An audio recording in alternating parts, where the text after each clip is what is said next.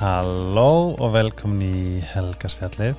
Ég veit ekki hvort þessi skrítið að segja þetta alltaf aftur og aftur en ég segi alltaf það sama. Ég ætla að vona að einhver sé sama en þáttinn í dag er ég búin að býja spenntur eftir en þetta er ein af sálusistri mínum, ef ég get orðað að sális, Linda Sæberg. Hæ, Halló við erum eiginlega búin með podcast-þáttinn, bara svona okkar á milli en loksins erum við búin að íta rekk og það er nóg að fara yfir. Og ég er ógæðslega spenntur á að sérst hérna. Mm, Takk ég líka. Uh, Árun við förum þá verði ég að þakka Dominos og Sítokær fyrir að styrkja mig í þessum þætti. Það var að detta inn núna á Instagram fyrir 46 mínutum netdagar, 50% afslutur af öllum sóttum pítsum af mateli þess vegna mæli ég rosalega mikið með að ef þið eru Dominos unnendur eins og ég að followa Dominos á Instagram því að þar kom alltaf tilbúðin bara svona strax og eru kannski bara í stuttum tíma eða einn dag og svona. En þá er þetta að græða peninga eða, þau veitu, spara peninga. Eh, Dominos neðistyrk Ísland og ég held ég muni aldrei segja frá Dominos en ég segja frá trí á tilbúðinu sem er uppaldið mitt. Það eru þrjár pitsur í hverju mánuði sem við getum keift á klink stórar takkabless þið getur skiptið með helming þið getur tekið af, þið getur bætt á. Águstpitsunar eru Magma, Barbecue King og Tokyo. Og það styrtið til september og ég er, er komið þangað að þegar að kemur nýjum mánu þá opnaði Dominus appið og tjekka oh my god, hvað pizza er núna. Uh, ég mæli með ítalska botnum ég var alltaf í hann að löflétta en ítalskur er geðvikur mér, ég, ég, ítalska pizza fyrir mér er alltaf svona blöytar undir en þessar er það ekki. En já, það er svona ég myndi pröfa hann en löfléttur er alltaf solid. Þess að Dominos fucking love you, takk fyrir mig. Síðakerri með okkur aftur, það eru koma nýjungar þar sem ég hlakka til að geta deilt þeim með ykkur uh, fjórnum viku hér á helgarspillinu uh, þið getur líka fylst með þeim á síðaker.is og ef að þið eru komið uppáhaldsvöru þá getið þið fengið afslátt í gegnum MOA helgarspillið uh, er afslagkóðin það sem fáið 20% aftafa öllu uh, ég mæli eða alltaf með ferðarsettuna því að eins og kom uh, í ljós í síðasta þetta ger ég reiknistæmi um hvað þetta er ógeðslega góð til og by the way, Linda mín mm. þú færð travelsettið Oh my mm. að, mm. að því að sko þú veist Ó, ég elska þessa vöru sko. Þetta er svo góð og líka sko Mhm. sérðu hvað hérna taskan er fín. Já, ó, ég vildi ég geta nota séð hana sko, hún er með svona, hvað heitir þetta, monochrome? Já, já, so pretty. Oh my god. En í þessu er facecreamið sem að kostar 5 skall en fyrir rétt tæpan 8 skall færðu body lotion, body scrub og handakrem allt í sama pakkanum og það, uh, maskin er orðin ein mest selda vara síðokkjær sem þykir ekkert skritið og ef þið elskið hann jafn mikið og við sem að elskum hann þá er líka anti-aging repair serumið sama serum og er í maskanum þessuna just saying. Og eins og afslagkóðin er helgarspillið C-H-I-T-O care.is beauty. En áttur takk Linda Sæberg. Ef ég gefa eitt sjátt á Agnesi að því að hún er að hlusta? Ó, getum við gert það? Hæ Agnes. Hæ. Við vorum að, hún er sérst yngri sýstrinnar og hún með mér í mentaskóla þess Ó, að ég hún kynntist henni er fyrst. Og þú var svona cool eldri sýstri sem að vissa en nú erum við bara BFFs og ekki á Agnes. Eða, jú, við erum alltaf. Hún er bara, hvað er ári? Hún er á Neskaupstað. Ég Neskjöpstað man þegar ég hitt þið sko hérna áður við verðum sálus sálus. Sálusískinni Sálus. þá hérna hitti ég þig held ég á bræðslinni það? Já, og þá komst þið minn og þú varst bara eitthvað "Ah, Ertu ekki, ertu ekki sýstirinn Ragnarsar? Og ég eitthvað, jú. Ég veist alveg hver þú varst. Ah. Og við eitthvað spjallum saman svo sagði "Ah, Þeir eru sko alveg eins. Það er bara, það er allt við þig þegar þú ert eitthvað taktan inn og ég var, man að ég var Að eitthvað ég var eitthvað svona í alvöru? Ó, en gaman, af því að við erum ekkert sérstaklega líkar í útliti, en mér fannst þetta svo ógeðslega skemmtilegt þegar þú sagðir þetta. Að það, ég, þetta var svo besta bræsla í heiminum. Mm, já, ég man ekki ég man ekki hvað ára þetta var, þetta var örgulega 2011 2011 já, ó, hún var geggjöð Hérna, hún var geggjöf Ég var bara, veðrið og, ó, það var alltaf svo glæð já, og ég þú veist, og þess að þetta var bara svona, þetta var eitt af þessum skilurum svaf ekki neitt, Já, þetta Va- var mynd svo leys já, svo bara vaknaði maður kljóðan, þú veist, tíu og fór að Mhm. elda eitthvað svona svínakotulettir eitthvað. Já, maður svona, ég lá bara úti einmitt. Ég átti með eitthvað svona ástaræfindir með hérna þýskum strák. Minn var bresku Í alveg Ó, good times. I know, þegar maður var svona ungur og Já. vittlaus Ó, það var svo gaman. Og var ekki með jú, æ, ég veit ekki, þetta var ókslega gaman en Agnes Björk Mhm. fær feitt sjátt Hún er uppáhalds. En við, eins og þú segir, þú þekkir prósessi hér. Já. Við þurfum að fá að kynnast ungulendu Mhm. og uppáhaldsspurning minn er að við förum í bara alva byrjun en uppáhaldsspurning minn er samt þannig að Mean Girls myndin. Hvaða karakter er þetta henni? Í mentaskóla Í mentaskóla Mhm. um, Gretchen Wieners. Nei, sko ég var alveg ég, ég var ekki one of the mean girls. Varst ekki gælan sem að stendur upp á borðu og segir bara I wish we could bake a cake made of rainbows and Jú, ég hef verið hún sko. Af því ég hef verið svona she doesn't even go here. Já, ég var bara svona, ég hugsi ég hafi bara alltaf einhverstað svona verið sirka bát á milli ég átti alveg brjálega mikið af vinum Já. var ótrúlega aktiv í félagslífinu Mhm. en hérna, ég held sko ég átti alveg vinkonur sem voru alveg the mean girls. Það- já, þar veit alveg hverja það eru. En ég ég var alltaf svona bara þú veist, já ég held ég hafi verið bara ekkert sérstaklega mikil tussa. Nei, en þú veist, ég hef örglega átt mín moment ég er að segja það maður átti þú veist, ef einhver er að tala við kærasta minna eitthvað, þá hef ég örglega verið og ekki nóg með það. Mentaskóla eilstum var ég, Mm. ég held hans í betri dag en þetta var mjög harsh Já, skóli. það var það sko. Var einelti skóli, já, allt þetta. Ég lendi náttúrulega alveg aðeins í honum sko. Já, samt átti ég kærasta, eiginlega allan tíman sko. Já, en varst bóttið bara já, þursa á mella ára já, já, já, þetta skólablaði sem að Já. kom út hana, á þess tíma var mjög þetta var ræðilegt þetta sko. var en ég held að svo komu svona 96 krakkanir ég held að þau hafi bara svona virkilega umturna þessu já, já, já, sem betur fyrr já, og tímandi Sem- breytast og fólki með því. Einmitt, þetta er náttúrulega bara pældi ég, þetta myndi gerast í dag þetta myndi bara, þetta væri bara headline news. Já. þetta væri bara daily mail. Þú veist, stundum þá hugsa ég bara, þú veist, hvernig lifðu við þetta af? Bara allt sem að gekk á. Já. og busuninn og pissa á fólk hryllingur. og kúka veist, bara sko, allur kvíðin fyrir businni og náttúrulega mín busin var náttúrulega hræðileg. Ég flúði til Reykjavíkur. Að það, Já. nei, ég meina, ég var bóðin upp á einhverju uppbóðu, einhverju strákar keiftu mig fyrir uh, smokk og tyggjópakka og þeir máttu gera allt sem þeir vildu við mig allan daginn. daga þú veist, þetta er hræðilegt. Ógæslegt og þetta er bara, þú veist, ég, var- ég, við vorum seldar saman og ég var klætt í einhvern svona, hérna gjafapappir oh, þetta eitthvað hryllingur. Þetta er hryllingur. Ég meina ef einhver myndi gera þetta við dóttu mína í dag Nei, ég væri bara, herðu, þetta er mamminar önju hérna, hún var keift á þú veist það pældi í því, ég stóði eitthvað bara sviði já. og eitthvað, bus og ég, ekki, ég var ekki komið úr skápnum þarna. Það var samt bara, veist, ég átti að halda okkur skilti sem var bara faggi og veist, ég var axlaður á böllum og þetta bara, þetta, Æ, þetta er gali sko. það er rosalegt það svona mennskona eilstöðum shout out. En hvernig varstu bara svona sem krakki?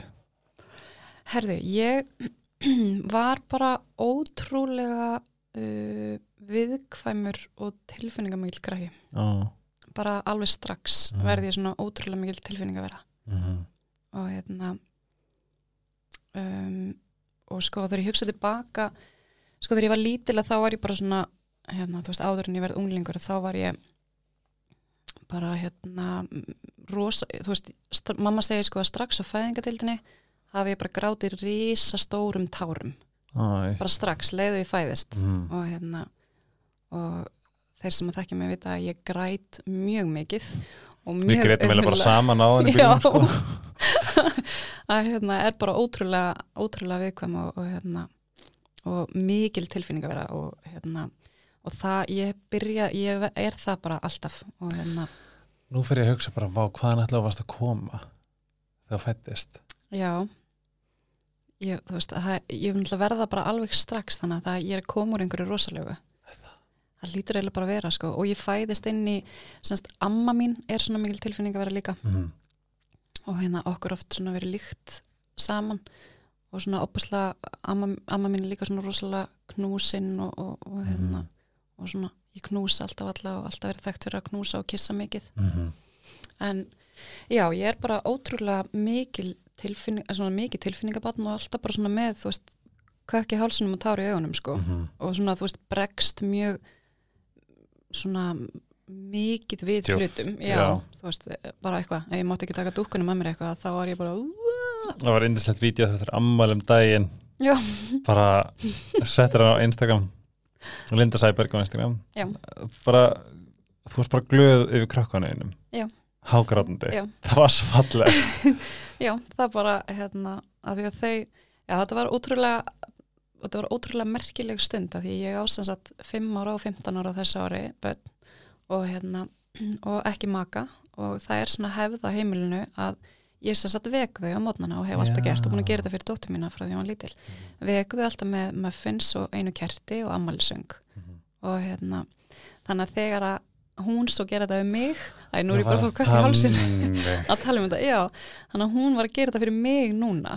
Veist, ég hef alltaf, ég er búin að eiga maka í, þú veist, sex ár og svo núna í fyrst skipta hef ég ekki maka ammálinu mín í langan tíma og þannig að hún vakti litla bróðið sinn. Nei. bara klukkan sjö um morgunin og þá var hún, hafði hún farið kvöldið áður með vini sínum í búð og kefti muffins og kerti Hættu. og hérna og vakti hann og klætt hann í hérna eitthvað kósigala og svo komu þau og sungu og vöktum og ég bjóst sko ekkert við þessu Nei, þú varst Og- bara að fara að smyrja næsti Já, og... ég held að ég væri bara að fara að vekja þau á ammálstæðin minn bara Já. og þú veist, ekkert mál og, hérna, var bara svona búin að undirbúa mig það að, að hérna, ég er ekki, að þú veist, að bara hverslega ekki að mér er því vakin og hérna, að hún gerði þetta og í þokkabót hafði hún sannst hérna, við fórum til Króati í, í byrjun, ég gaf hann í fermingagjöf eh, ferð út og ég hafði sér ring í búð í Króati, Mhm. alveg óbáðslega fallegan ring og hérna máta hann og hann passaði á mig og ég var svona eitthvað að tala um hann eftir á og var eitthvað svona, já, ég fekk kannski að kaupa hann mér fannst það svo hryllilega fallegur Mhm. og ég er svona mikil skartgreipa kona og hérna, en svo hafði ég ekkert farið kifta hann og, og hérna og ég svona bara eitthvað já, ok, nei, ég ætla ekki að kaupa hann, hann er svolítið dýr og æ, ég næði ekki að fara að finna búðan aftur ég myndi ekkert alveg hvað hann hefði verið. Mhm. en þá hafði hún farið og kifta hann ringin, Nei, Jú, í að- Króatíu? Já, og hún að geima hann og hérna, og svo var ég eitthvað að óska mér eitthvað, blása kerti og óska mér og, og þá um segir Esir eitthvað svona, mamma, óskar þig ring Nei. Og ég eitthvað svona, ha, hvað segir þau og, og þá réttur hún mér það, þá hafði hún farið og keipt hann ring þannig að vídeoið sem ég te tekið að mér þegar ég er hágrátandi hann Já. það er sem sagt þegar þau eru eitthvað svona syngja fyrir mig og ég óska mér eitthvað svona og ég er eitthvað að óska mér hann að ég haldi áfram að vera heilbrið og hamingsum og börnum mín heilbrið og hamingsum og svo réttur hún mér hann ring þannig að hann bara Sko Anja náttúrulega ekki hitt hana ég ætla bara að fylgjast með henni frá að krakki mm -hmm. þetta virkar sem einstaklega einstakur krakki já, hún er það, krakki eða bara það er bara ung unglingur. kona já. Já. Hún er það, hún er sko, hún er mögnu og það er svo ótrúlega mikil forréttind að fá að fylginni já, af því að hún er bara, veist, ég læri stundum veit ég ekki alveg hvori hvað sko, ég læri alveg ótrúlega mikið að henni líka. En hérna, en bara fá að fylgin og fylgjast með henni verða af þessum, þessum einstaklingi sem hún er. Hvernig hann hún er, hún er 21. november sportur ekki mm. það, á, og eindislegt hún er einmitt svona hún er ótrúlega þroskuð og fullorðin og náttúrulega bara vera er búin að vera sagt, við skiljum ég og pappinar þegar hún er nýjum mánu þannig að hún er mikið bara með mér og mínum vinkunum Mhm. og lengi vel var eina svona aðstofun sem ég var með í Reykjavík fyrir hann að voru amma mín og afi. Mm. sagt langam og langa við hennar og hún er mikið hjá þeim. Og, hér Reykjavík? Já, ah, og á tímabilið var ég að vinna mjög erfiða vinnu og var svona á erfiðum vinnutímum. Og þá var hún, valdi hún að vera á neðri hæðinni hjá sko fólki sem í dag er held í 90 og eitthvað ára sem að bjugga á neðri hæðinni og hún valdi það fram yfir eitthvað annað, vera bara þar að spila jatsi við konu sem um Alzheimer og veist, þá var bara alvörunni átta ára. hann hún hefur einhvern veginn alltaf verið í kringum svona fullorði fólk og Mhm. eldra fólk Mhm. þannig að hún er með svona að mínu mati bara ótrúlega þroskaða sín á lífið Mhm. og hérna, náttúrulega búin að gangi gegnum svolítið mikið reyndar með við sinn aldur en hún er bara, hún er svona tilfinningaverð eins og ég Mhm. og hérna grætur yfir hlutum og finnst hlutir fallegir og tekur eftir hlutum sem að sem að ég held bara já, og þú veist sem að kannski krakkar hennar aldrei eru ekki að fylgjast með Mhm. og hún er svona, hún er óbærslega næm og, og hún svona allt sem hún tekur sér fyrir hendur verður af einhverju gulli Hún er er bara leikona, gerir, já. Já, bara skrifaði handrit fyrir skrekk sem að fór í skrekk og komst í úrslit og, og það er einhvern veginn allt sem hún gerir. Ef hún Já. tekur upp hljóðfæri, þá er bara búin að læra það. Og stekkur alveg yfir stíin. Þá Og, nú fyrir ég að hugsa hvað, hvaðan hún kom já, það var er bara, sko, já, það er hérna, ég er mikið búin að, ég er mikið að spá í því að þegar ég voru í, Það er ekki fyrsta skiptið á jörðinni nei, nei, nei, nei, nei, alls ekki, sko.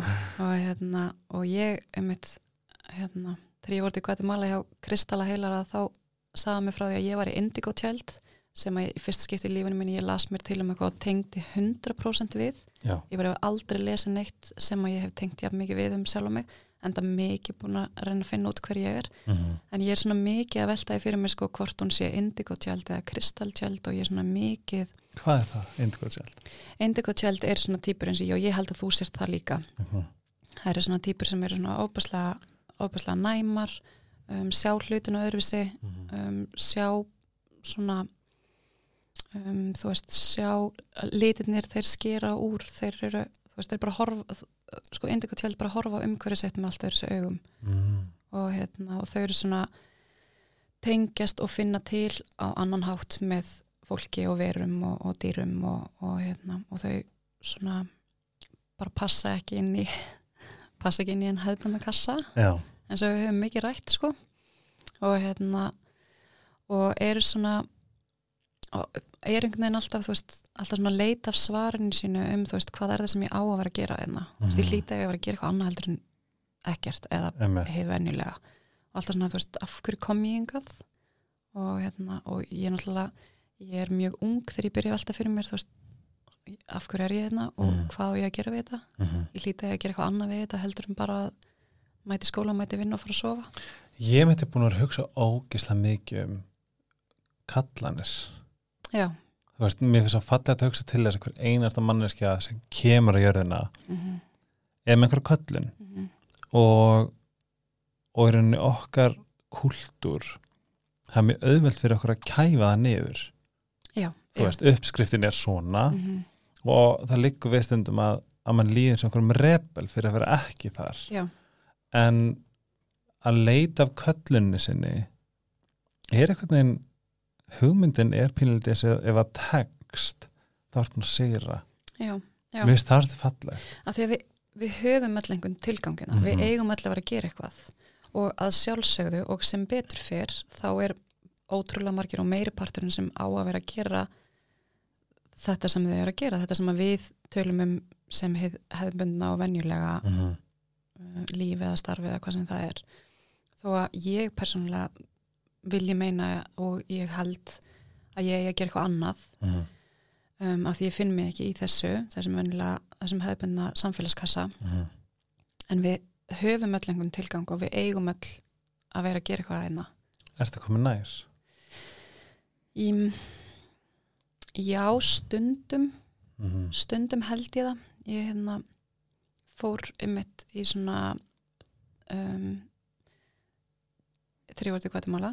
Alltaf, ég að eitthvað minnast Ég á var að það skrifa Já, við erum að fara við erum að fara fara hérna, þá fór ég í svona hérna svona talnalestur hjá, og svona eldatöfn. Þetta var ótrúlega magnað fyrirbæri og, og þar mitt er svona maður sem að hérna, er eitthvað að lesa í mig svolítið og segir svo bara, já það eina sem þú átt að gera í lífinu er að nota röddina þína.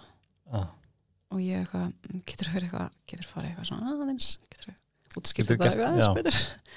Og hann eitthvað, alveg, nei þú bara þú átt bara að nota röddina þína og þú átt bara að hérna kenna fólki í kringum þig. Mm og ég veit ennþá ekkert hvað hann myndi.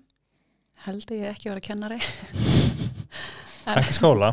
Nei, ekki skóla minnst en ég var eitthvað svona, ok og hérna, en ótrúlega magna því að svo sagði hann við mig, þú verður bara að muna að lífið er bara núna en hann hafði ekki hugmyndum að ég hafi fengið krabba minn sko, ah. ég var bara wow, gæsa húð En mér finnst líka það sem ég er búin að vera strögglar svolítið mikið við núna í mínu svona minni heilin og mínu svona recovery Mhm.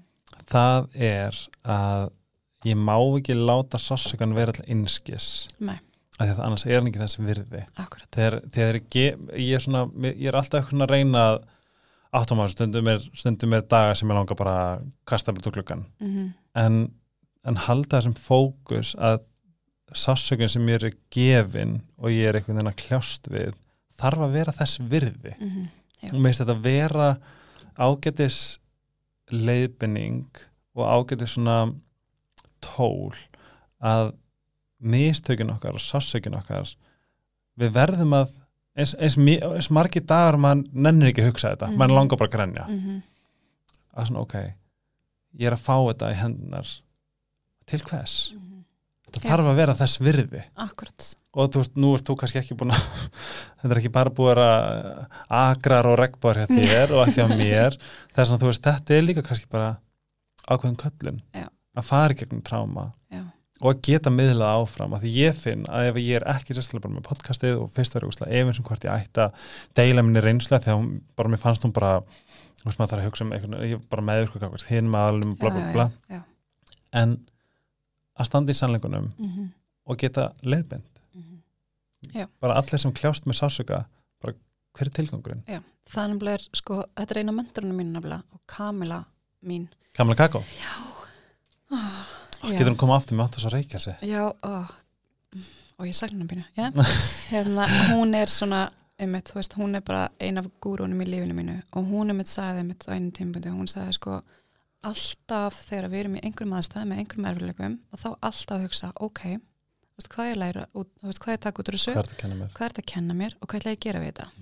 Og ég hef alveg, þú veist alveg, líka áður en hún nefndi þetta en ég bara gerði mig kannski ekki alveg grein fyrir því að því að eins og þegar ég veikist svona þegar það var farið aðeins að sjalla og ég var svona búin að gera mig grein fyrir hvað var að gerast að þá að mitt hugsaði ég, þú veist ég, ég ætla að koma sterkar út úr þessu Mm -hmm.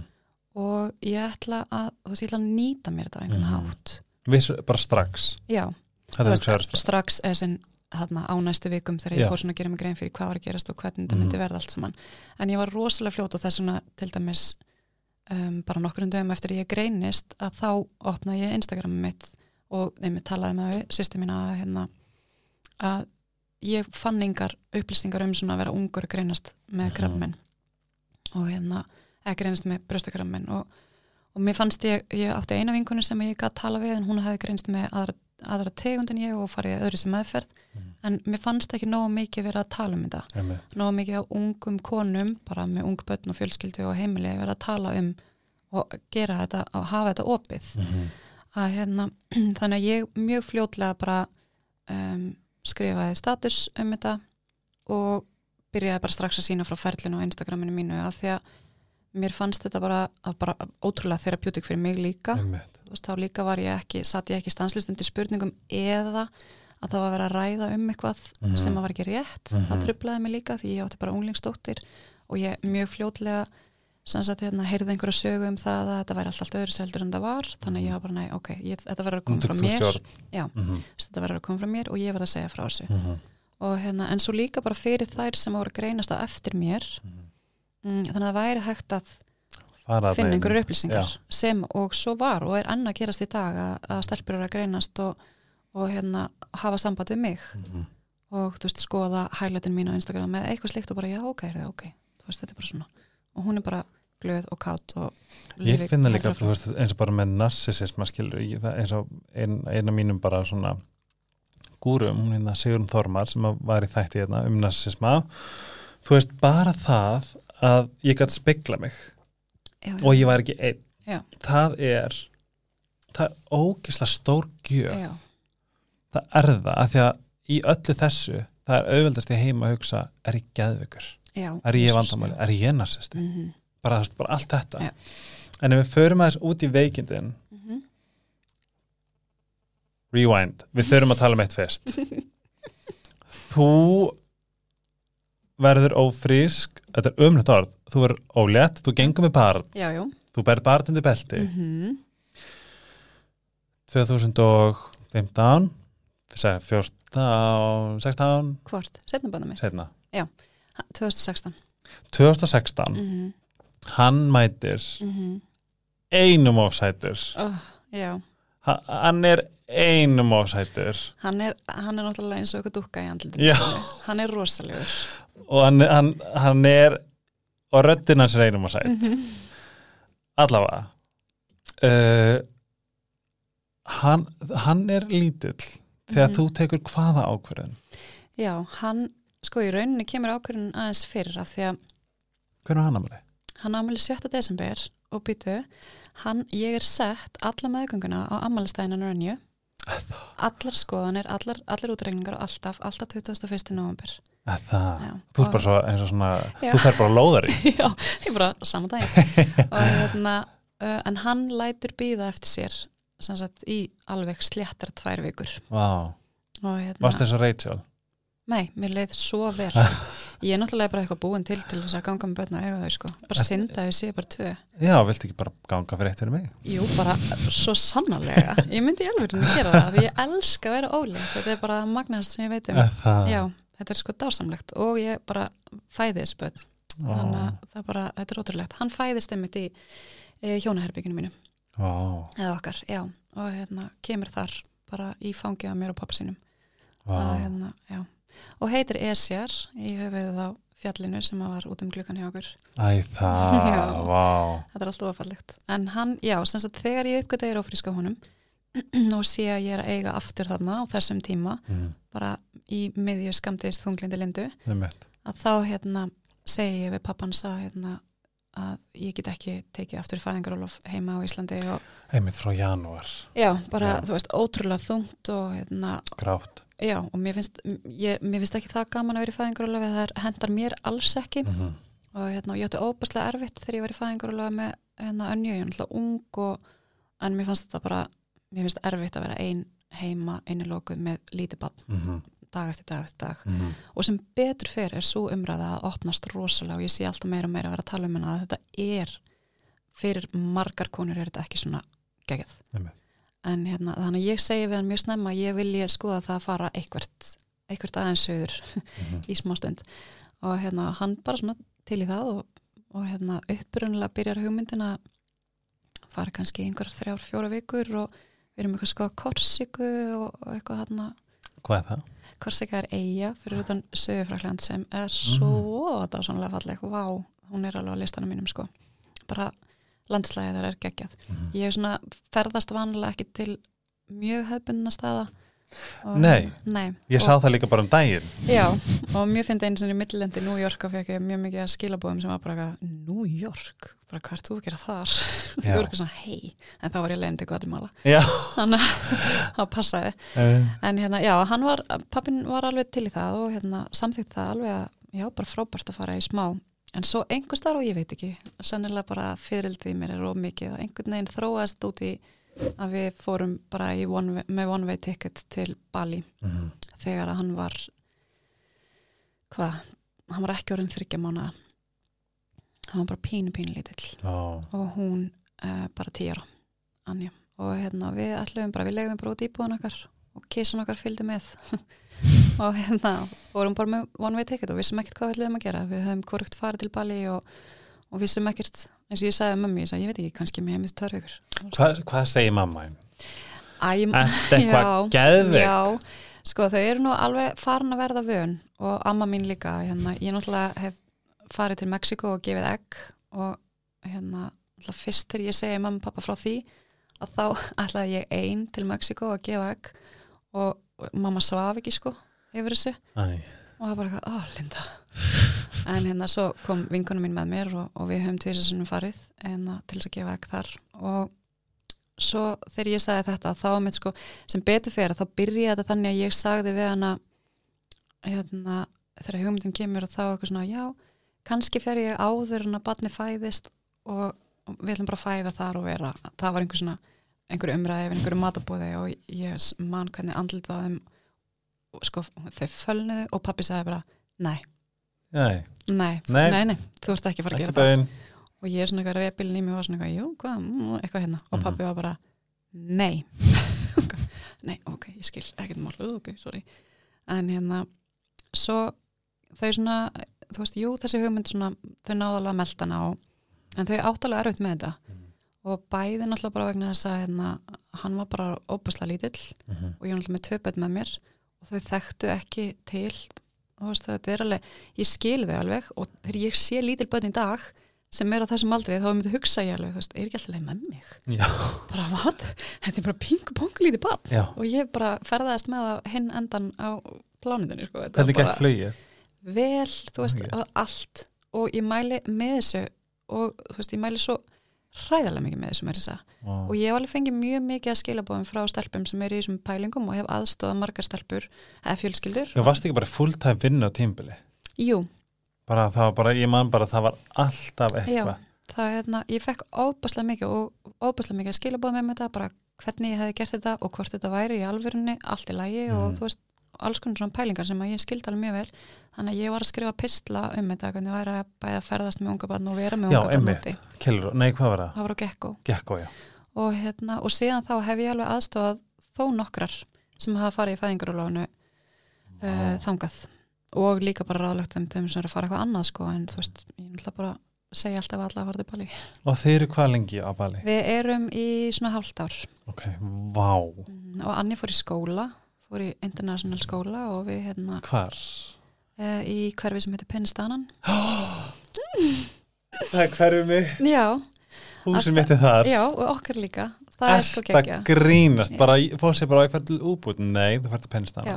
það er bara máli, Sem ég er náttúrulega náttúrulega að segja það líka. Já, það er bara svona eins og, ég veit ekki, þú veist, Kópu og Reykjavík eða eitthvað. Já, að hérna, það voruð upp á öllum. hæðinni? Já, við fórum upp, já, akkurat já. og legðum bara hús af bara lokal fólki og hérna. Ég leiði frá Srí já, ég veit og ég, þú veist, nágrannin okkur voru bara svona 80 ára gummul hjón sem að töluðu enga enskunum að maðurinn gæt sagt where you going, where you going Æ, og þegar ég var búin að svara því það svaraði hann bara tilbaka eitthvað á Bali og, og veist, við bara töluðum eitthvað já. og þau, hérna, Hvernig komast þið millir staða? og skútir öll fjögur Var það ekki pínuskeri samt? mm, Jú, sko, fyrst þegar Steinar fór að, að fyrirhundi maður mér fór að leia hérna, skútir, þá voru við búin að vera kannski tvær, þrjár vikur úti og hann bara svona tók fram fyrir hendunum og hann bara að vera að þetta skút, þessa skútir við getum ekki verið alltaf að labba á leigubílum. Já, og ég var eitthvað svona, mhm, þú bara fyrir að leiða þetta og ég mun aldrei setjast á þetta, glemdu Mhm. þessu. Og hérna, svo kom hann heima á þessu og hann og Anja fóru eitthvað eitthvað, eitthvað smá ferð og, og ég var svona með ESR í póka framan á mér og svo var ég bara svona, já ok, ég skal prófa þetta. Og svo var þetta bara ekkert mál. En það voru bara svona reglur, þú veist, ég var bara eitthvað kerðu hægt og hérna, hann gerir stundum grínaði að svo þegar við vorum föstu í einhverju umferðarteppu í 35 stæði hita þá var ég bara, getur kannski kert aðeins hraða allt í norðnum Íslandum lokal. Einmitt. En við vorum bara fjögur, veist, ég satt aftast með Esjar í póka framan á mér og svo kom hann og svo satt Anja svona fremst Mhm. eins og rallybílstjóri. Og við fórum bara út um allt á þessu sko. Vá. Og þú veist, það var bara ekkert mál. Ef við fórum í lengri ferðir þá fórum við með legubíl. Hvað kendi þetta er? sko, Hvað tókstu með þér þegar þú lendir heima? Ég náttúrulega tók í fyrsta lagi ekki alveg allt hjarta mitt með mér heim. Ég náttúrulega Ah. bara skildi partaði eftir úti og þú veist, Bali er í rauninni enn dag í dag er bara svona hitt heima. Mm og ennþá þegar ég sé myndir þaðan eða við tökum ennþá opuslega nærra okkur eins og þegar það eru búin að vera hérna, eldkostar eða það er eitthvað. Eins og núna þú veist í COVID það er enginn túrismi að þá líður okkur svolítið eins og að sé þú veist, sé ekki alveg allt í lagi heima hjá okkur Já, þú veist, í hinu heimilin okkar. En hérna ég lærði ótrúlega mikið og við lærðum ótrúlega mikið að vera að núti þú veist ég er náttúrulega þarna úti náttúrulega lærði við ótrúlega mikla næjusemi -hmm. þú veist bara sem dæmi ég meina ESR átti ekki föt Einmitt, fyrir hann var áttamána og ég meina við áttum ekki mikið af fötum þú veist Mhm. og þú bara þarft það ekki og þú þarft ekki svona ótrúlega mikið. Og hérna og ég er opaslega svona um, ég er ekki beint kannski jú, eða þú veist að margan hátt kannski myndi ég segja ég var minimalísk en ég er Mhm. ekki minimalísk að þannig hátt að ég með lítið af hlutum heima hjá mér eða svona kalt heimili eða neitt Mhm. slíkt. En ég þarf ekkert. Nei, þú veist ég bara á þetta sem ég á og ég þarf ekkert meira. Nei. Og hérna og ég svona um, og Anja svona, þú veist, eins og þegar við vorum, vorum að flytja heim, þá var Anja eitthvað svona, já, en ég þarf ekkert sér herbyggi, af því að það er ekki það sem að, þú veist, er úti. Fóruðu millistaða? svolítið hús? Já, sko fyrst ferðust við um, um eigina alveg í sko 5 eða 6 vikur. Vorum svona svolítið að lókita hvar við vildum vera.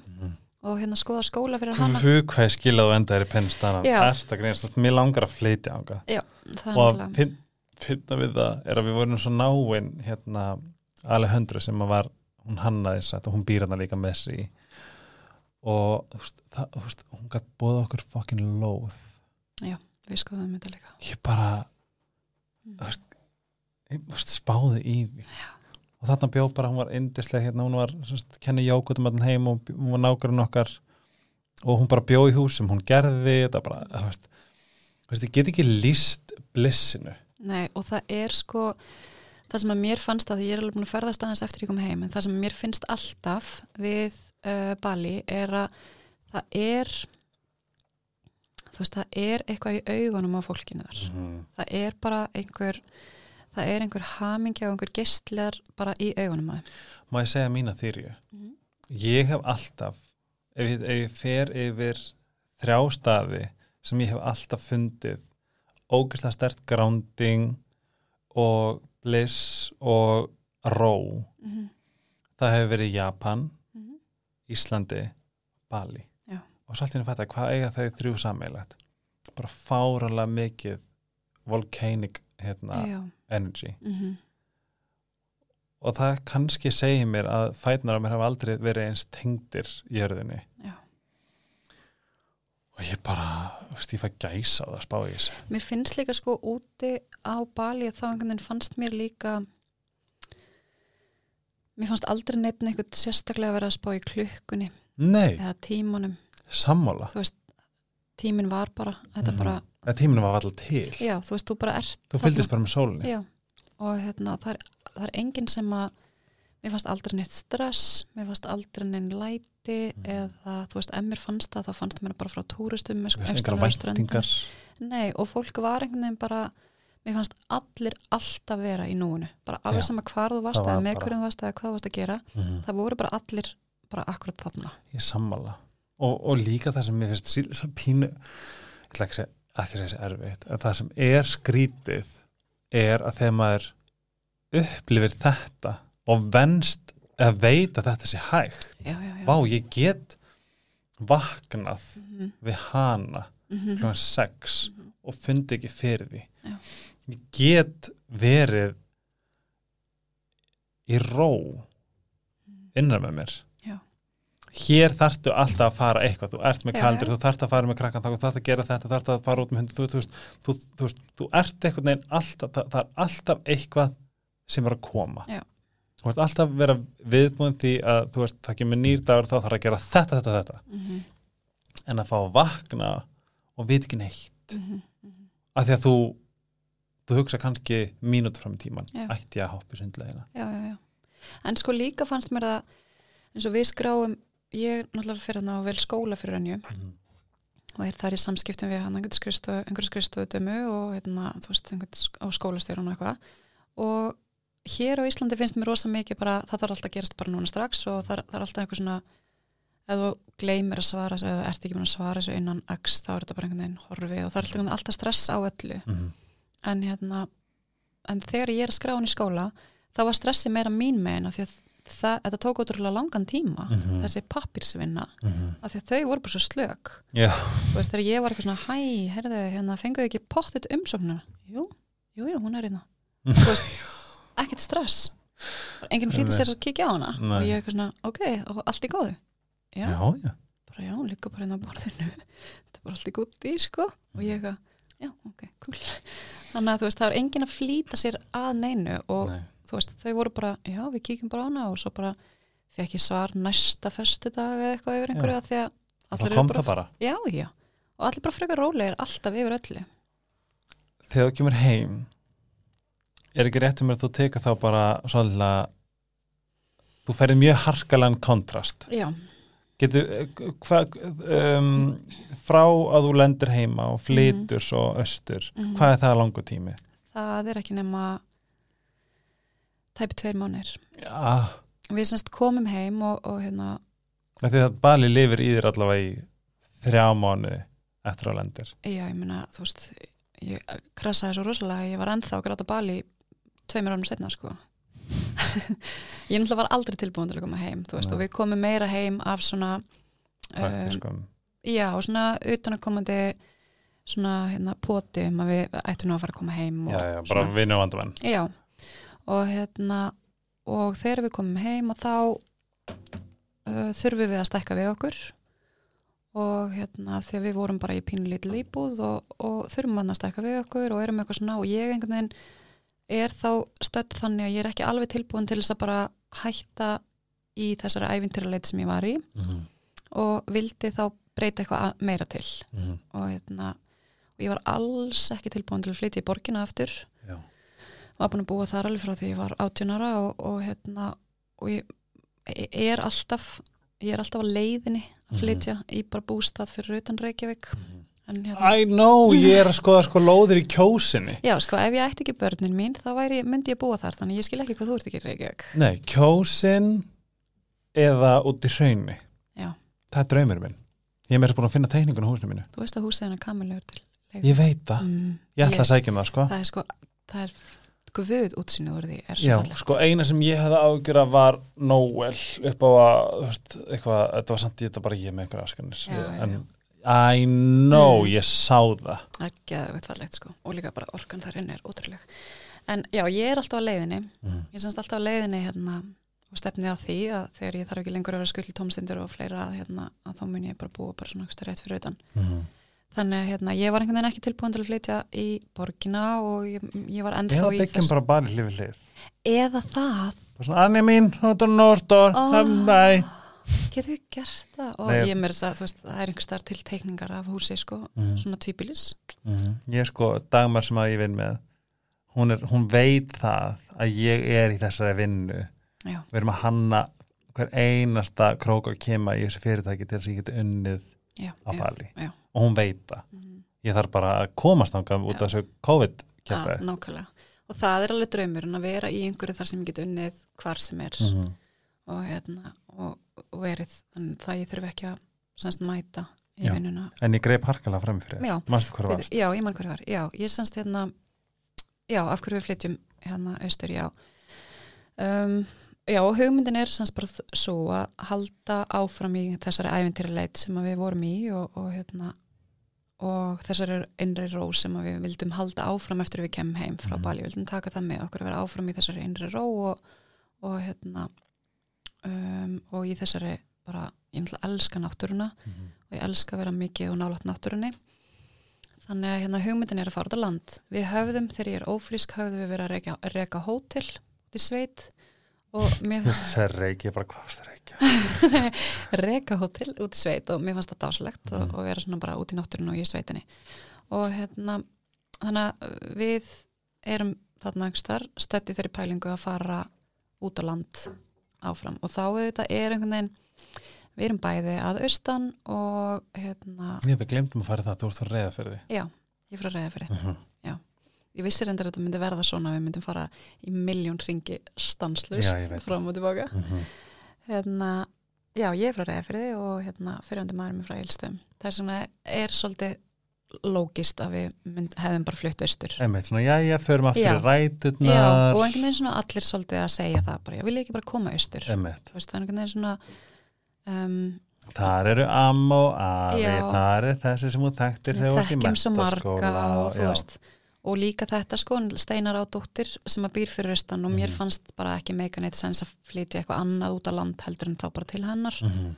að, hérna, að það einhvern veginn bara passaði ekki inn í okkar mynd Varstu búin að hugsa þegar þú, þegar þið takja ákvörðina Mm. hver, hva, hver var hver voru vangavelna einar? það er mjög praktist og krútt að segja já, hann alltaf getur þá verið með meira með dóttir sinni Já, svona, en hver voru vangavelnar? Hvað er, hvað, hvert var talið þitt? sko á þessum tímapunkti að þá er ég náttúrulega búin að eigða ótrúlega, ótrúlega, ótrúlega mörgum árum af mínu lífi í að veltaði fyrir mér af hverju ég um, af hverju ég get ekki bara verið eins og allir hinir og af hverju ég get ekki passað inn í hennan kassa og fjölskyldubóð eftir fjölskyldubóð þar sem ég var að veltaði fyrir mig hvort ég var með persónuleika röskun Mhm. af því ég var svo ótrúlega ólík öllum og ég gæti einhvern veginn ekki sé fyrir mér að ég gæti lifa þessa hefðbunda lífi sem að uh, frengum mínur og frendur lifa Mhm. og ég dáist svo að þeim og ég var eitthvað svona, akkur geti ég ekki bara verið eins og þau Ég dáist líka þeim, veistu Já. hvað, veistu hvað, veistu hvað dagdraumur minn er? Ég get get alveg stilti.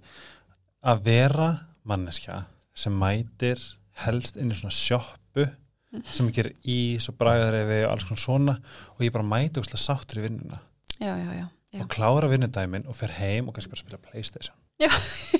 Þetta er ángríns sem, er, sem ég dreymir um. já. Að vera þessi, því að mér finnst líka, veist, eins frábústu að vera frjáls og opinn og allt þetta. það er erfitt sko Það er stundum pínu erfitt. Já. Greip aftur fram fyrir þér. All, Á, já, frábært. en mér finnst þetta ekki að dagdrömmur hérna, nei, já, ég ger þetta, þú veist og sýsti mín er sýsti mín er þessi, Hún Agnes Björn. hún Agnes Björk er þessi, þessi típa þessi, Mhm. hún er þessi kona sem lifir þessu fullkomna lífi Mm. og, hérna, og ég elska að vera í kringum þau Ég dáist líka svo aðinni, þú veist, og bara vinkonu mínu líka, hvað eru sá? Já, og ég, ég horfði á hana og ég var bara, þú veist, ég vil bara vera eins og hún. Þú veist, ég vil bara vera eins og litla sýsti mín sem að á bara þennan indislega mann og þess að dásamlegu dætur og þetta fallega heimili og þau lifa bara svo fallegu lífi. Mm Þau lifa bara þessu rólega fallega lífi. Dæturinn er reyndar geggjar og yndislegar og ég man bara eftir einhverju sem, karakterar. já, hún, ég man eftir einu vídeo sem hún postaði af uh, elstu Já, sem heit Júliu og ég man ég hugsaði, oh god, þetta er dóttur Agnesar Ég veit það. ógislega fyndin. Og mamma segir stundum þegar sýsti mín er ekki Júlía, nefnilega, þá sé ég svona hvernig mamma er bara eitthvað mm-hmm, mm-hmm. you get what you give, Já.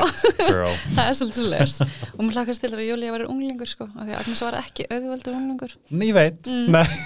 þannig að það verður ekki að fylgjast með því en hérna, já, hún náttúrulega er 100% fyrirmyndi mín á bara næstum því allan hátt sko, að því að hérna hún er bara, hún er alltaf svo sátt Mhm. og hún er alltaf svo hamingisum og þú veist, hún er bara svo glöð Mhm, í lífinu sinu og þau eru bara svo falleg mhm.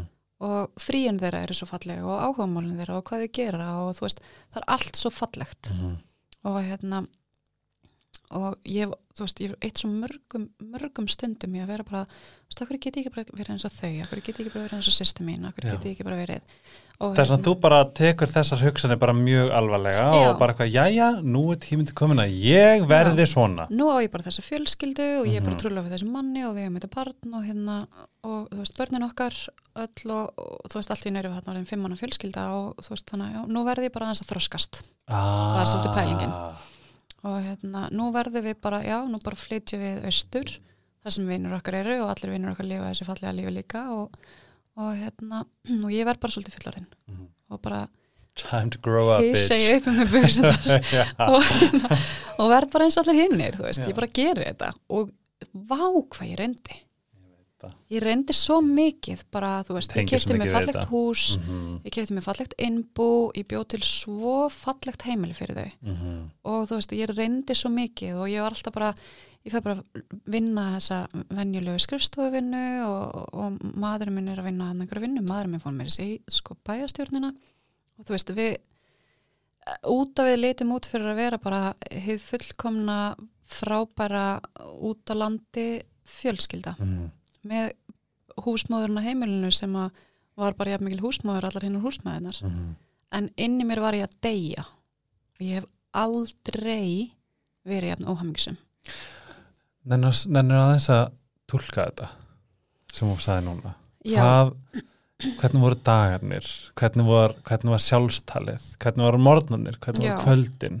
Sko ég bjó í þessu gullfallega risastóra húsi og, hérna, og ég vaknaði á mótnana og ég var bara, ég var alveg tóm. Og ég var bara tóm og og hérna og ég var svo einmana en samt átti ég risastóra fjölskyldu.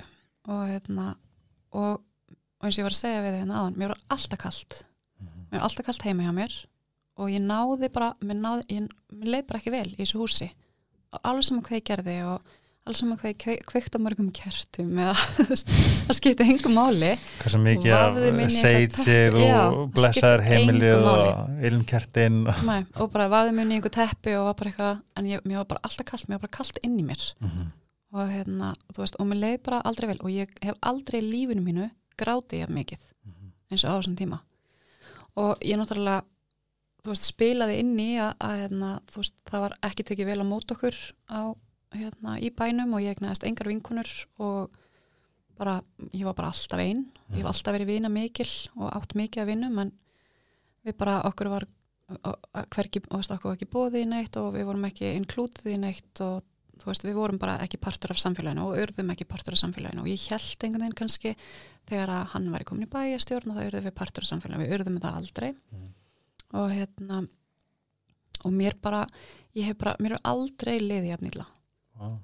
þú veist og það var bara part og þegar ég er búin að fara í gegnum þetta margóft þú veist, ég flytt heim úr algjör paradís þar sem ég vildi vera og mér leið vel og ég var bara þú veist, ég hef aldrei verið með djúpan hjartslott eins og á Bali þú veist, bara, Einmitt. þú veist, mér leið svo vel og ég var svo uppfull af hamingiðar Mhm. og svo flytt ég í eitthvað sem að er algjörlega 100% skjön við allt mitt belief system Mhm.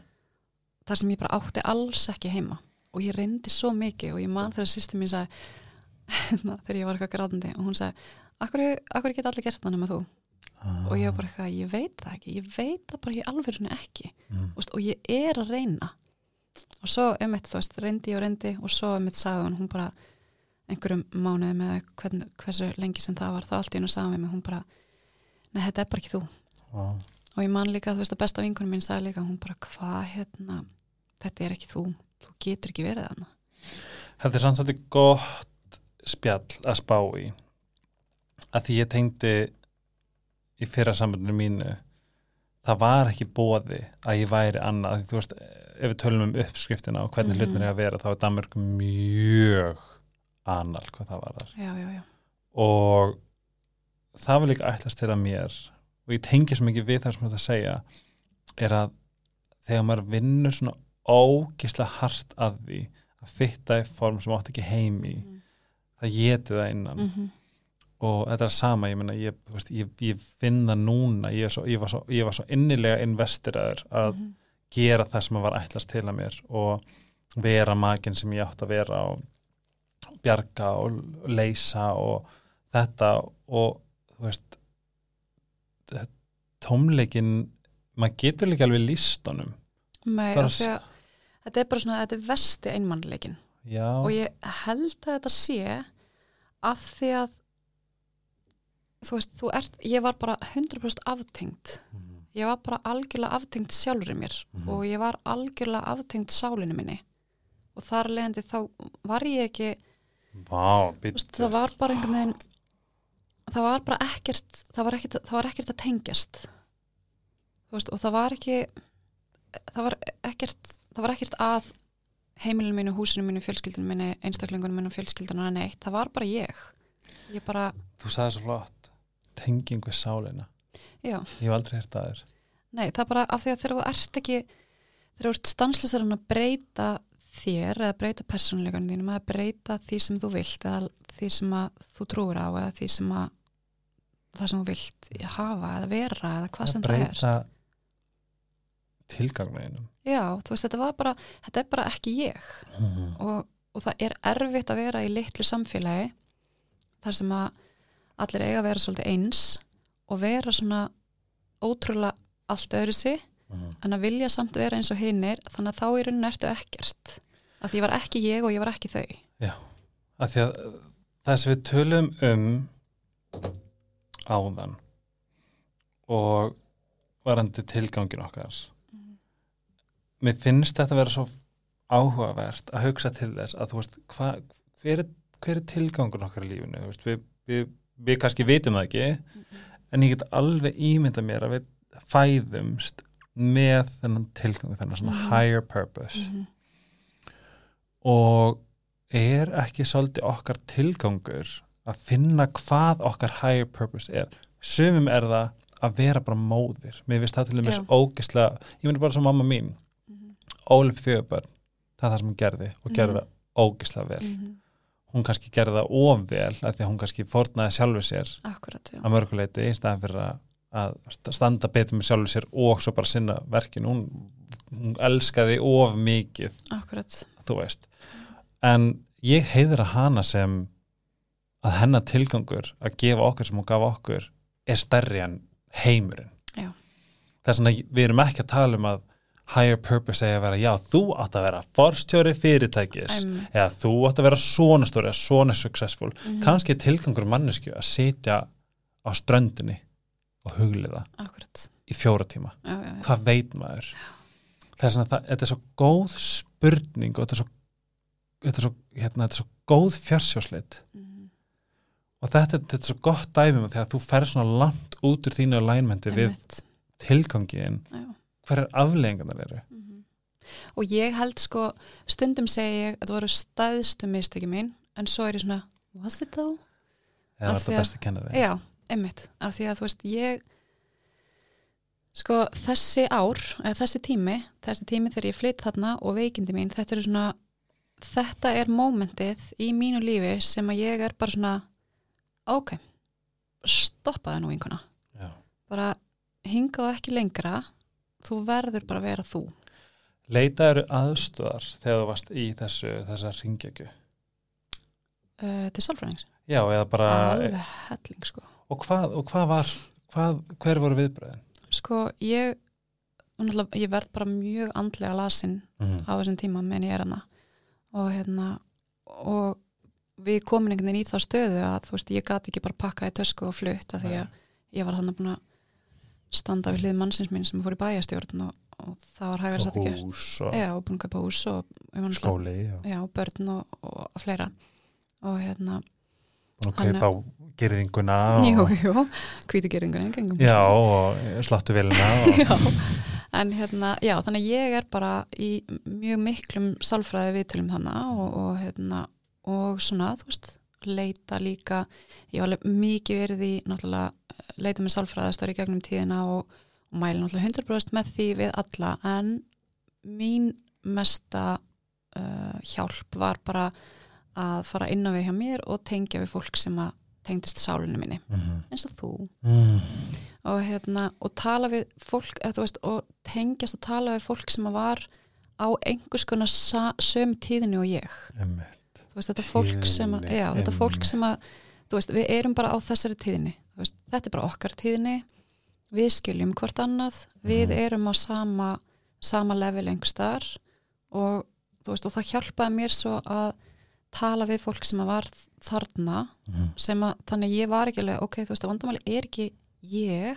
Það er ekkert aðbjör Nei, það er ekki að mér, ég bara á ekki að vera hér. en það er svo auðvelt að hugsa á hvaða, hvað Já. ég er gallaður.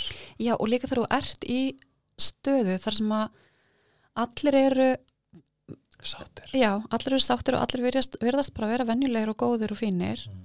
en þú ert það svona allt, þú veist, bara svona alls ekki og allt, allt öðru sig, Mm. að þá er svo ótrúlega auðvelt að fara bara í bara, þú veist, vá, hvað er að mér? Akkur get ég ekki bara verið eins og þau? Mm. Þú veist, ég vil bara vera eins og þau. Mm. En það hjálpar svo mikið að vera bara, já, nei, alveg rétt. Ég man eftir augnablikinu hvort, það sem ég, hvort ég hef sagt það mömmu bara fljótlega eftir. Og þetta var eitthvað sem ég fann svo stert ég fann bara svona, mér leiði svolítið þess að hafa verið að segja mér þetta, eitthvað bara æðra. Og það var og þegar ég fór að finna þetta þá fann ég þetta svo ógislega stert og að segja þetta upp á þetta líka powerful.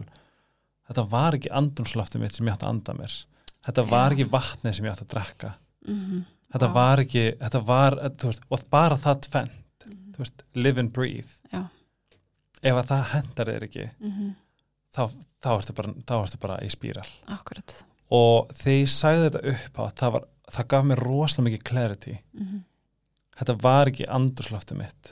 Akkurat. það er rosalega magna að finna fyrir því og dregur andan við getum verið með þessa meðutund að draga inn andan og hugsa þetta er andurslofti Mhm. eða nei. Mm og þegar ég fattaði þetta þetta var kannski svona áraðurinn í skildi þá bara svona ok. Þetta er ekki, þetta er ekki vatnið mitt þetta er ekki andurslóttið mitt.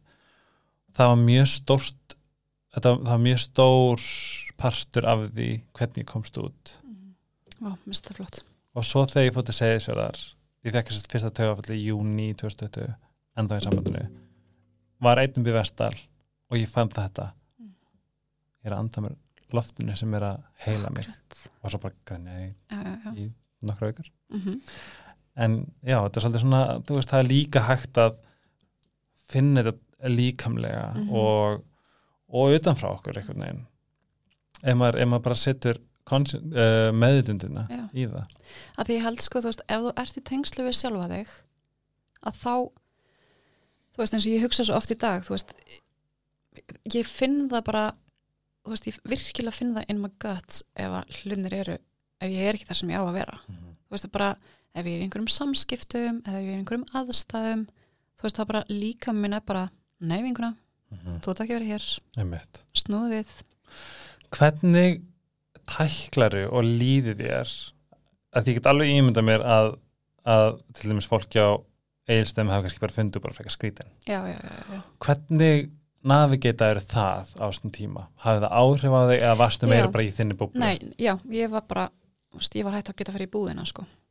Við náttúrulega veist, verðum alveg fyrir veist, það er alveg hérna um, það var alveg það var alveg komið illa fram við mig Mhm, fyrir restan af einstaklingum sem tengdist fyrirrandi manninu mínum. Mhm, og hérna og þú veist, við fengum alveg það, þetta, var, þetta var ljótt og þú veist, og í dag til dæmis segi ég mjög oft ég veit ekki hvort að fullari fólk virk, virkilega gera sér grein fyrir, eða bara fólk, en þú veist, fullari fólk gera sér virkilega grein fyrir því hvaða afleðingar það hefur þegar þú kemur illa fram með einhvern. mm, að orður eru áleg Já, og ég veit að börn gera sér ekki grein fyrir því af því þau eru Mm. bara börn, en fullorði fólk hvort það virkilega gera sér grein fyrir því hvað þú ert að gera mm, þegar þú ert að koma illa fram. Þú ert þú, getur verið að gera það að verkum og þú ert bara virkilega eigðalega mannesku og eins og í okkar tilfelli bara eigðalega fjölskyldu. Mhm, þú veist, gerur þeir grein fyrir því þegar þú ert í þínum heimi og ert að koma illa fram gerur þeir grein fyrir hvað þú ert að gera? Að þú ert bara stanslöst og hugsa ekki út í afleðingarnar hvað þýðir þetta? Þú veist, hvað, í hvað aðstæður er ég að setja aðra mannesku eða aðra fjölskyldu mhm. eða barn? Þetta er líka bara svo góðu punktur að hugsa til þess að þessi orð eru svo mikil álög mm þú veist, þessna heitir þetta spell eða Mhm, spelling já. og, og núna hef ég til dæmis bara upplifað andlutafbeldi og Mhm. er ennþá bara í bara, þú veist, ég er á sópil núna skilur mm. Mhm. kvillanir eru ennþá árið setna Mhm. eftir að ég komst út uh, vitundavakningin að fá að átta sig á því hvað uh, ofbeldi uh, orða Mm geta haft tölvert með þess að verri áhrif eins og ég hef oftast, ég hef sagt að við, ég segi þetta allir hverskipt sem ég, sem ég tala við sálfræðingi minn, ég vildi hann ég vildi hann hefði buffa mig, já, já, já, það er svo miklu, miklu öðuldra ég vildi óska þess bara ef, ef ég hefði þurft að vera í gifsi eða, eða bara á gjörgæslu, það hefði verið þessi virðið því þá hefði ég eitthvað þess að halda Já. í. Og þess vegna líka að þegar fólk verður meðvitað um þetta og taki upp þessa compassion, hvað heitir það? Samkjönd, mm, já, samkjönd samkjönd gagvart náunganum. Mhm. við erum ekkert að tala um og við erum að tala um kassakonni bónus. Já. ég bað einu sinni manneski í bónus afsökunar að því ég var í ömulu skapi Vá, og ég sagði bara fyrirgjáðu og burtu. Já, að því að ég bara, ég, ég var, ég var lamar úr samanskapiti að því að hún átti ekki skilið. Akkurat. Og þú veist, þetta hefur verið rosalega þroskandi bara að fá meðvitundina. Hefði ég ekkert að segja þetta? Eða já. ætti að beðast afsökunar? Mhm. eitthvað svona? Og líka bara, mér fannst ókslega gott uh, ég held að það hafi verið Ástrós sem að sagði þetta hérna hjá þér. Að hérna, þegar hún sagði veist, við virkilega vitum aldrei hvað hinn mannskin er að hvernig henni Mhm. líður, hvað hann er að upplega, hvað hann er að gangi gegnum, hvernig Mhm. dagarnar eru að því að við sem fullan fólk, við vitum það að lífið er bara, getur bara verið frekar erfitt bara það já, erfitt sko og það eru bara, við erum að gangi gegnum alls konar, Mhm. alltaf og ef það er ekki við, þá getur það verið ástfinnur okkar eða Mhm. börnin okkar eða, þú veist, við erum bara stanslest í einhverju Mhm. og hérna, þannig að við sem fullar fólk, við eigum alveg að vita það eins og þarna, til dæmis þessi tilfelli fullar fólk gat alveg sagt, sagt sér að það var ekki allt- í lægi hjá mér þú Mhm. veist, ég var bara virkilega lasin Mhm. andlega Mhm. og það átt alveg að þeir sem að þekktu til átt alveg geta sagt sér bara, þú veist, er allt í lægi hjá Lindu já, bara, hún lítur mjög illa út hún gert er, já, veist, hún er bara hún er bara að loka sig af, hún er bara þú veist, ég var bara sko, stórum kvíðaskamti hana Mhm. og í dag veit ég ekki alveg var þetta einhver, var þetta einhver byrjun á því að því að svo náttúrulega bara greinist ég með krabba minn þú veist hvað er var ég var krabbmennið í líkamannum mér að hafa áhrif á andlegu líðanuna eða þú veist, ég veit það ekki veist, eða öfugt, þú veist, var vanlíðan að næra Já, einhverjar? og ég trúi því sko. Ég, trú, já, ég trúi því að hérna að því að, já, ég trúi því að svona mikil, mikil kvíði og mikil andleg uh, andlegt ójafvægi og mikið áföllum, ég er með langa áfalla sögu að hérna, ég trúi því að þetta gerir það verkum að líkamann á mér var Respondi, ekki já, var ekki sterkur, hann var ekki nóg sterkur til þess að til þess að kljást við krabbmensfrumuna sem voru að byrja að myndast. Já, af því að einhvern veginn sagði læknirinn með mér sko, við, það myndast krabbmensfrumur í líkamannum en Mhm. síðan bara er kerfið okkar ræðist gegn þeim, er með eins og með aðra sjúkdóma mhm. og hérna og ég held að bara áfall eftir áfall eftir áfall og vanlegan og, og mikil, mikil, ég með langa kviðasögu mhm. að hérna það hafi bara gert það að verkum að ég bara, ég var bara ekki nóg sterk. Vá. slíka minn bara gat ekki meir.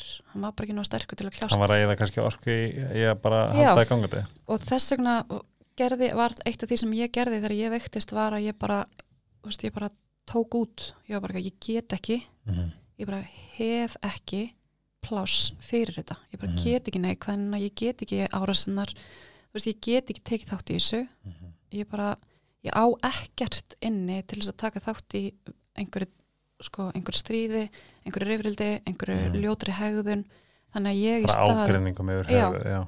þannig ég ætla bara að kúpla mig út úr öllu í, í staðin sko Mhm. og, hérna, og ég bara ég get ekki, ég get ekki, get ekki tekið henni slaga eins og ég, finn, ég fann líka rosalega stert að í að ég, það, ég tengi þarna líka að þetta var rosalega mikið þú veist það var með hérna fyrir en tengdafjölskyldinu mína það var líka sem hafði þess að djúpa áhrif var líka bara samskiptamunstri þeirra sem Já. hafði líka áhrif. Veist, að Já. sitja í einhverjum innmitt einhverju orku já, sem að líka ræðist bara á kerfið já, það, veist, þetta hefur svo mikil áhrif það er svona þú veist, með þessum um, bara þessu þáttum til dæmis veist, það á bara líka innspera upp á það þú veist, við getum öll gert betur, við Mhm. getum öll tekið upp einmuna samkend eða Mhm, hugsa sér tvisvar um mhm. skilur, hversu oft hefur þið langað að blasta okkur mannsku algjörlega eða sko. sagt bara fokka þér og svo er mitt, þú veist, eins og ég hugsa, þú veist, við kennum börnum, eða ég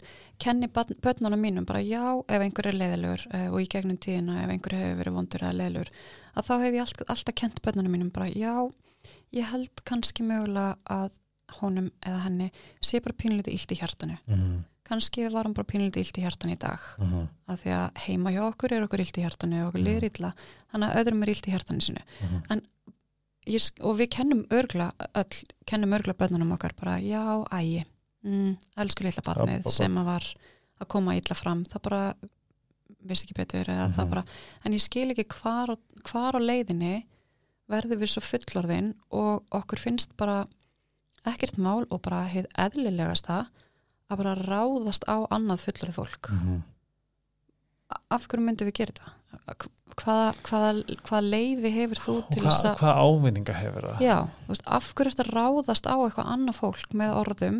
Um, hvað, hvað ætlar að fá út úr þessu? Það er alveg málið, þetta er líka rosalega gott. Veist, líka hversu oft hefur langað að skrifa Facebook status, Mm þú veist og verið bara eins og bara, veist, til dæmis hundasamfélagið, sem þú bara, mér langar bara að segja bara faraðu út í sveit og verður þar Já. skilju, slögt á netinu eða bara vera bara, þú veist, fara þanga Já.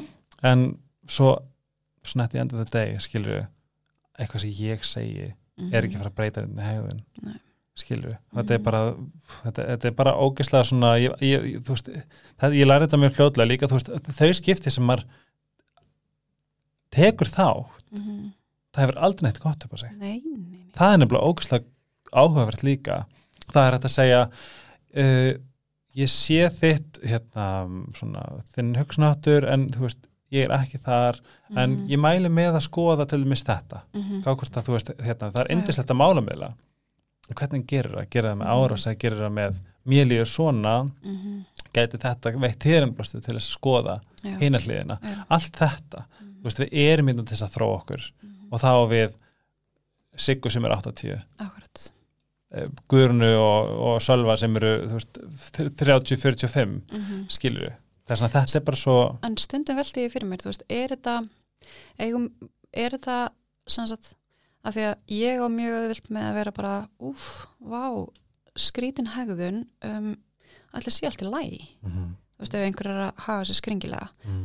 og ég veldi stundum fyrir mér, er þetta af því að af því að ég hef þurft að glíma við svo mikið að það á ég, minn, á ég auðvelt með að hugsa að þú sért kannski að glíma Mm. og er þetta kannski einstaklingarnir sem að hafa bara aldrei stoppað eða unnið í sjálfum sér eða, Mm.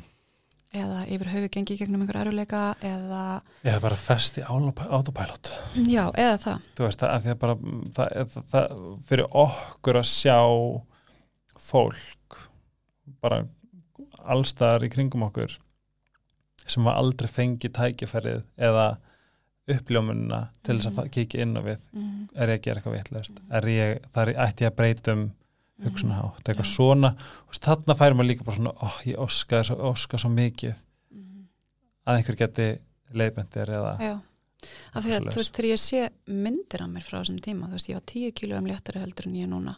Ég var bara, ég var bara alltaf, ég var bara föl ég var alltaf grátbólgin. Mm. Það hefði ekki þurft einhvern einhvern sérfræðing til að sjá að það væri ekki alltaf læg nákvæmlega. Þannig að þú veist getum við stundum tekið bara smá moment og verið bara er alltaf lægi, bara er alltaf læg hjá henni? upp samkendina já, hvað getur gert? Eða já, Viltu- veist, hefur eitthvað að segja? ok? Ég get hlustað. Eða eitthvað svona.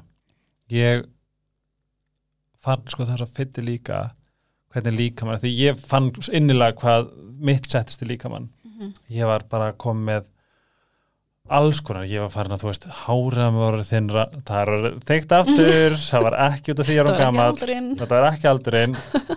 Ég var alltaf með XM þetta var svona Já. kvíða. Já. þetta var ekki svona XM, ég er ekki svona með XM ég var bara með kláða alltaf skilur ég var farin að býta í varirnar. Ég var farin að, ég var orðin þingri Mhm, ég var bara, ég var bara, ég var bara orðin bara eitthvað svona, ú, mhm, svo þú veist núna ég er ekkert að fara að bæta á mig aftur ég er bara, ég er bara, ég er orðin ég aftur. Þetta fer ég náði árangli ræktin á þrejum mánuðum. Mhm, ég er búin að í ræktinni í átt ár. Og akkurat. það gerðist ekkert. Af því að líka minn og streytukerfi mitt var að einblina eitthvað allt annað en að ég ætla að fá okkur að gegja vöðva. Já. Þú veist, við, það, er bara, það er bara svo svo mikið sem við getum lagt á líkamann. Og Nákvæmlega. ef að við erum í svona ógísla miklu tjóni andlega þá er líkamann bara, þú veist, þá er hann bara þar hann er bara hann að halda okkur á floti bara, ég get ekki þú veist, Hann hann, að getur ekki gert meir sko. Ég get ekki líka passað upp á þú veist, allt hitt, bara því að þess vegna er svo mikilvægt að við hlúum mm að okkur og tökum þar ákveðin sem við þurfum að taka til þess að við fáum að blómstra. mm Eitt partur af tveim. -hmm.